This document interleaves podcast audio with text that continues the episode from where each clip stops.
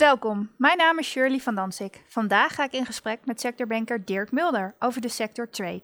Ik bespreek met hem de trending topics, de belangrijkste kansen en hoe je koplopers kunt herkennen. Ik ben benieuwd. Dirk, waarom heb jij voor de sector trade gekozen? Het is een hele interessante eh, sector. Het heeft internationale aspecten. En die rol van die groothandel die staat eigenlijk constant ter discussie. Eh, terwijl ze eigenlijk de afgelopen jaren het heel goed hebben gedaan qua groei. Oké, dus die rol van de groothandel, begrijp ik, is met name wat de sector zo interessant maakt. Ja, ja. want ik denk ook dat we daar eh, met onze klanten juist een heel interessant gesprek over kunnen hebben naar de toekomst toe ook. als we kijken naar trends en ontwikkelingen, wat zijn dan volgens jou de trending topics voor de sector? Het zijn er eigenlijk drie. De groei van e-commerce, platformisering daarbinnen en uh, als randvoorwaarde duurzaamheid, wat steeds belangrijker wordt. En kun je voor elk van deze drie uh, topics een voorbeeld geven? Nou, de afgelopen jaren is uh, e-commerce natuurlijk enorm gegroeid. Dat ervaren we zelf hè, als consument. Maar dat uh, heeft ook impact op, uh, op de groothandel. Hè. We, we, vinden het aan één kant het gebruik van internet vinden we gemakkelijk. We kunnen goed uh, prijzen vergelijken. We hebben beschikbaar over een breed assortiment. En dat doet aan de ene kant wat met de rol van de groothandel in die keten. Aan de andere kant kun je ook zeggen dat elke ondernemer ook een uh, consument is en zijn ervaringen vanuit de B2C-markt, de bedrijven naar de consument, ook meeneemt naar, zijn, naar de B2B-ervaring. Uh, uh, en daar zal de groothandel ook op in moeten spelen. Je noemde nog twee andere topics. Ja, platformisering. Hè. Uh, we zien uh, in Nederland dat de markt voor e-commerce nog uh, enorm gefragmenteerd is. Wij denken ook dat naar de toekomst toe de rol van platformen daarin toe gaat nemen. Denk aan waar bol.com mee bezig is of, of Amazon. Mm -hmm. Dat biedt kansen voor de groothandel, hè, want zij kunnen uh, met zo'n platform kunnen ze samenwerken en daarmee hun producten uh, aanbieden.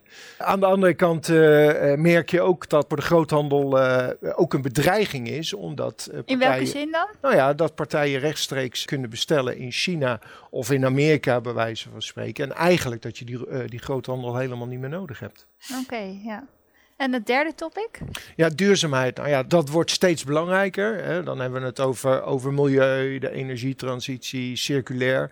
Kijk, en daar kan die groothandel een steeds belangrijkere rol in spelen. Enerzijds denk aan je distributiecentra met zonnepanelen, elektrisch rijden, ledverlichting. Uh, maar andere kant heeft het ook impact op uh, de producten die je voert. Neem even het voorbeeld. Onze huizen moeten straks van de gaskachels af en naar de warmtepompen. Nou, dat betekent dat je andere leveranciers hebt. maar dat het aan de andere kant ook iets betekent voor je logistiek. Omdat zo'n apparaat, zo'n warmtepomp, vaak zeven keer zo groot is. En dat betekent wat voor je, voor je vrachtauto's, de belading daarvan, maar ook uh, voor je distributiecentra. Waar zet je die weg, uh, die ja. grote apparaten? Ja. En wat zijn jouw verwachtingen voor de sector in 2020? Het zit er al bijna aan te komen, hè? Ja, nou ja, uiteindelijk uh, nog steeds positief. De afgelopen jaren heeft de groothandel echt uh, een forse groei laten zien. Uh, ik denk dat die groei wel wat gaat afvlakken. Er zitten wel wat onzekere factoren in. we hebben natuurlijk de, de, de dreigende handelsoorlogen tussen Amerika en China. Nou, lijkt de goede kant op te gaan. Maar goed, je weet het met Trump nooit. En aan de andere kant uh, zie je dat de brexit straks ook uh, impact kan uh, gaan hebben. Nou, dat heeft impact op de wereldeconomie en daarmee ook op de omzet van de groothandel. Ja, duidelijk. En wat zie jij dan als kansrijke gebieden voor de sector? En vooral ook waarom? Nou ja, uiteindelijk die rol in die keten, daar, daar draait het om. Dus die groothandel zal uh, zijn positie in die, in die keten uh, moeten verstevigen of vast moeten houden. Daarmee zal die regie naar zich toe moeten trekken, maar ook diensten toevoegen. En die diensten kunnen liggen op het gebied van logistiek, op het gebied van digitalisering. Eigenlijk alles wat de klant ontzorgt. Mm -hmm. Denk eraan uh, het ompakken van, uh, van producten, het etiketteren van producten, douanefaciliteiten faciliteren, opslagruimte ter beschikking stellen of wat ik eerder zei, de logistieke diensten. Ja. En tot slot, waaraan herken je koplopers in de sector? Wat mij betreft uh, toch een stukje terugkijken. Ik ben ervan overtuigd de partijen die over de afgelopen jaren een goede omzetontwikkeling en margeontwikkeling hebben laten zien. Uh, en een stevige vermogenspositie hebben om in ieder geval die volatiliteit in die markt op te kunnen pakken. Maar uiteindelijk ook de partijen die regisseursrol, die rol in, uh, in, in de keten vast kunnen houden en meegaan in de trend van digitalisering. Ik denk dat dat de kernpunten zijn. Nou, duidelijk. Dankjewel Dirk voor het leuke gesprek.